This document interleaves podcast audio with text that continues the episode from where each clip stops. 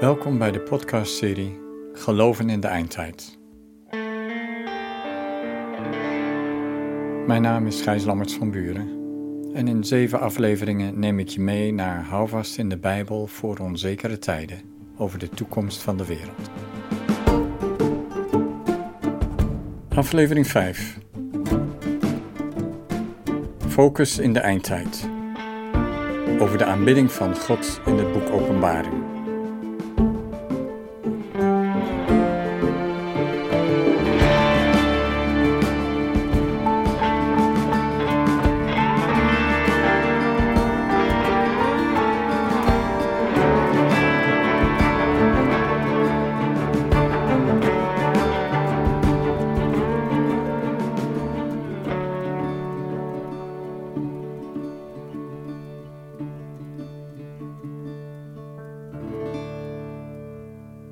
Het laatste Bijbelboek Openbaring lijkt oppervlakkig gezien vooral te gaan over de verschrikkelijke dingen die staan te gebeuren in de eindtijd door de draak, de twee beesten en de valse profeet. Maar nauwkeuriger bezien is het juist een bemoedigend boek voor mensen die nu lijden en onder vervolging en onrecht gebukt gaan. God doet recht. Hij zit op de troon. Vanaf het begin God de Almachtige, die is en die was en die komen zal. En die bemoediging blijkt dan ook uit de reactie van de gelovigen in het boek Openbaring. Maar liefst twaalf liederen van lof, dankbaarheid en aanbidding. Twaalf keer woorden die erkenning en eer geven aan deze God. Aanbidding van God ligt in het hart van het boek en blijkt ook nog eens de sleutel te zijn voor de gelovigen om vol te houden in tijden van tegenstand en vervolging. Aanbidding zegt alles over de focus in je leven. Maar aanbidden doe je niet alleen met woorden, maar met je hele leven. En geen wonder dan ook dat het kwaad de gelovigen wil weerhouden van de aanbidding van God. En dat is niets nieuws. Zo hield de farao van Egypte het volk Israël tegen en je zou denken dat hij Israël niet vrij wilde laten. Maar de oorspronkelijke vraag van Mozes was niet zozeer vrijheid, maar drie dagreizen de woestijn in te trekken om ter ere van de Heer, de God van Israël, een feest te vieren. Zeg maar een vakantie, een holy day, om te aanbidden. Lees het maar na in de eerste verse van Exodus hoofdstuk 5. Zie je het je voor je? Kan je je voorstellen hoe Farao reageert? Hier willen zijn slaven holy days, een feest vieren, alsof er iets te vieren valt. Direct laat hij dan ook de slaven harder werken. Maar nog twee keer stelt Mozes die vraag en telkens net iets anders. De tweede keer zegt hij: Wij willen de Heer onze God offers brengen Exodus 18, 27. En de derde keer, wij hebben een feest voor de Heer. Exodus 10, vers 9. Het kwaad wil dus voorkomen dat het volk Israël God gaat aanbidden, een feest ter ere van Hem gaat vieren, Hem offers gaat brengen. In een van de aanbiddingsliederen van Openbaring worden wij bepaald bij deze bevrijding van Israël uit Egypte. Ik lees jullie voor het tiende lied in Openbaring hoofdstuk 15, vers 3 en 4. Toen zag ik iets als een zee van glas, vermengd met vuur. En op de glazen zee stonden zij die het beest, zijn beeld en het getal van zijn naam hadden overwonnen. Ze hadden lieren om daarop te spelen voor God. Ze zongen het lied van Gods dienaar Mozes en het lied van het Lam. Groot en wonderbaarlijk zijn uw werken, Heer onze God, Almachtige. Rechtvaardig en betrouwbaar is uw bestuur, Vorst van de volken. Wie zou u, Heer, niet vereren, uw naam niet prijzen, want u alleen bent heilig. Alle volken zullen komen en zich voor u neerbuigen, want uw rechtvaardige daden zijn geopenbaard. Einde citaat. Het lied dat de gelovigen hier zingen, wordt het lied van Mozes en het Lam genoemd. Er staan meerdere liederen van Mozes in de Bijbel, maar hier wordt verwezen naar Deuteronomium 32. En aan het eind van dat laatste lied van Mozes staat in vers 44. Heel dit lied heeft Mozes samen met Jozua, de zoon van Nun, gezongen en het volk was er getuige van. Einde citaat. De Griekse naam van Jozua is Jezus. In de Griekse Bijbel, die heel gangbaar was in nieuwtestamentische tijd, heet het boek Jozua dan ook Jezus. En zoals Mozes het volk uit de slavernij heeft geleid, zo heeft Jozua, Jezus, het volk het beloofde land binnengeleid. En daarom het lied van Mozes en het lam. Mozes en Jezus. Zij die ons bevrijden van de slavernij en de weg banen om God te aanbidden. En dat brengt ons bij Openbaring 5, waar naast Hem die op de troon zit ook het lam wordt aanbeden.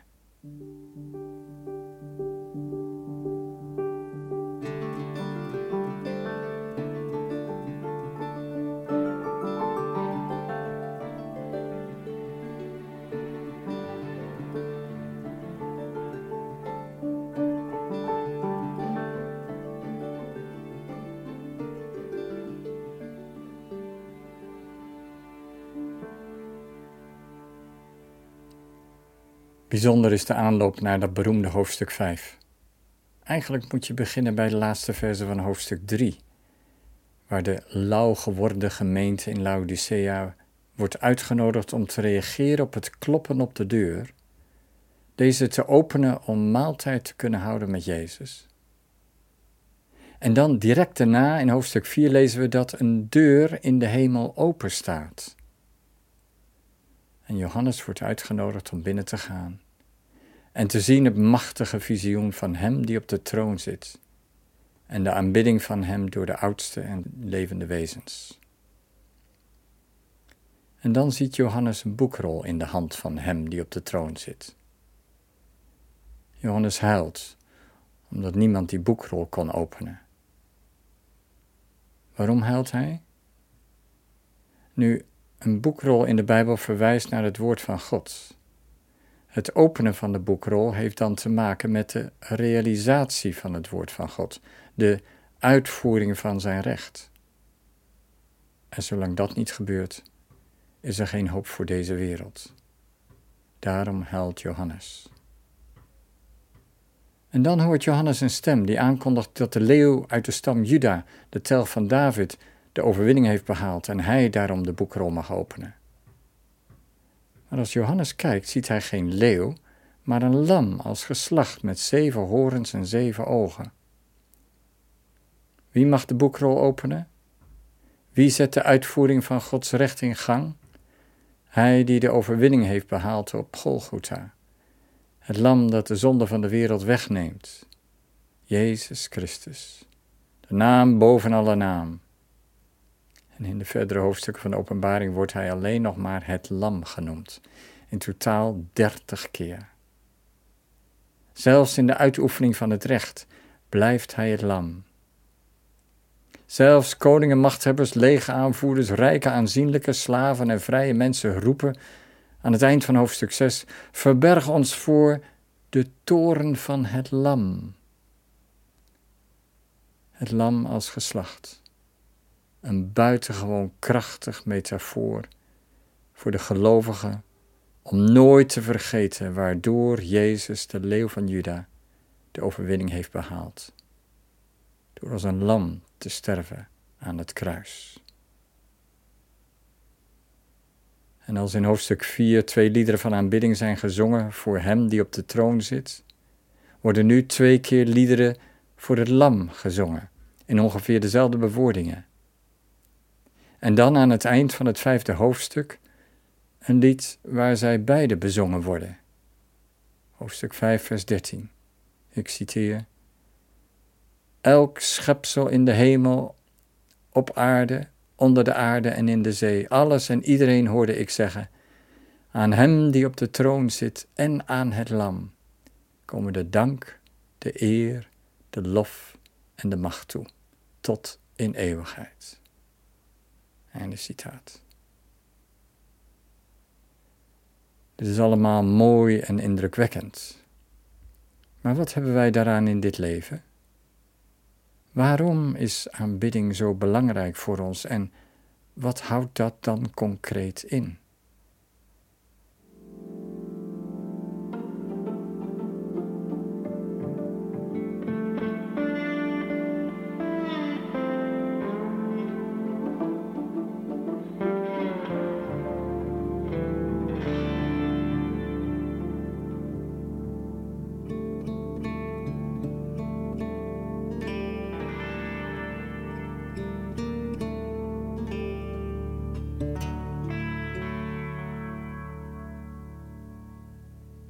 In het begin zei ik het al. Aanbidding zegt alles over de focus in je leven. Maar aanbidden doe je niet alleen met woorden, maar met je hele leven. En het belang van aanbidding zien we in de geboorte van het volk Israël. Mozes vroeg Farao het volk te laten gaan om God te aanbidden. En wat gebeurde uiteindelijk na de tiende plaag? Ga de Heer maar vereren zoals u hebt gevraagd, zei Farao tegen Mozes. De aanbidding van God bracht hen in de vrijheid. Maar zoals de rabbijnen ons leren, Israël kan dan wel bevrijd zijn van de slavernij van Egypte, maar daarna begon de lange weg van de bevrijding van hun hart, van het leven als slaven. Ze gingen naar de berg Sinaï om te aanbidden. Een feest ter ere van de Heer, de God van Israël. En als deel van het feest kreeg het volk de Torah, de richtlijnen voor het leven, de wet. Ze werden onderwezen in wat het betekent om echt mens te zijn, vrij en verantwoordelijk.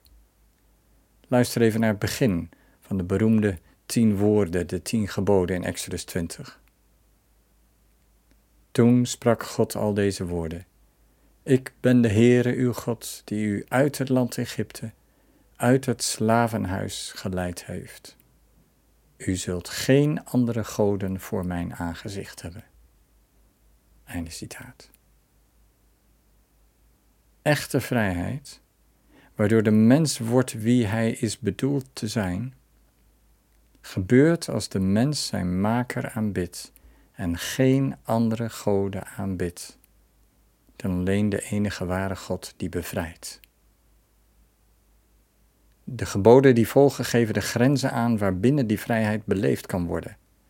Buiten die grenzen vervalt de mens onherroepelijk weer in slavernij, in onvrij zijn. Het is deze aanbidding, staan in de ware verhouding tot je maker, dat de vervolgde gelovige kracht geeft om vol te houden.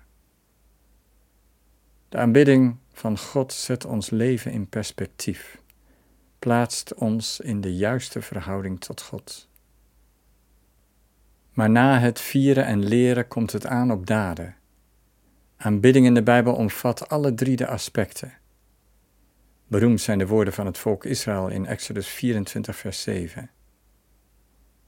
Alles wat de Heer gesproken heeft, zullen wij doen en horen. Einde citaat. De volgorde is opvallend. Eerst doen en dan horen. In het doen gaat Israël het gebod beter horen en verstaan. In Openbaring 19 vanaf vers 6 lezen we dan het laatste aanbiddingslied. De heilige, gekleed in zuiver stralend linnen, die staan voor al het goede dat door hen is gedaan. Aanbidding in vieren in leren en in doen.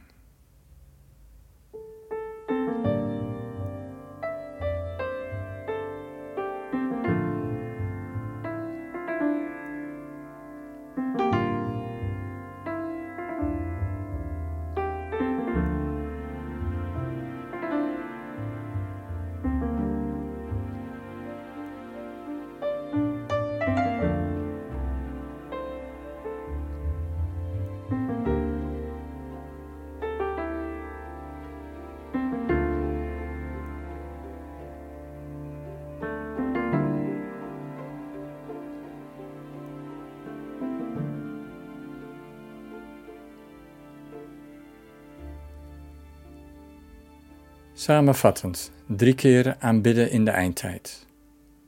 1. Vieren. Daar begint aanbidding mee. Denk maar aan het volk Israël en aan de eerste woorden van de tien geboden. Voor ons christenen, denk aan de zondagviering. De viering van de opstanding van Jezus Christus. In sommige kerken heet dat de eredienst. Feest. Onze vrijheid begint bij de bevrijding die God geeft. En dat mag je vieren, regelmatig, met andere gelovigen, met brood en wijn, met muziek, met woorden, met stil ontzag. 2. Leren. Aanbidden betekent luisteren naar onze God van Hem leren hoe wij zouden moeten leven in vrijheid en verantwoordelijkheid. Daarom is de Bijbel altijd belangrijk bij aanbidding. Dat is het woord van God. Die leidt tot echte vrijheid onder alle omstandigheden. 3. Doen of delen. Aanbidden is pas compleet als na de viering en het leren ook de handen uit de mouwen gestoken worden. Wat wij van God ontvangen is om uit te delen. In de andere dienen kunnen wij God aanbidden.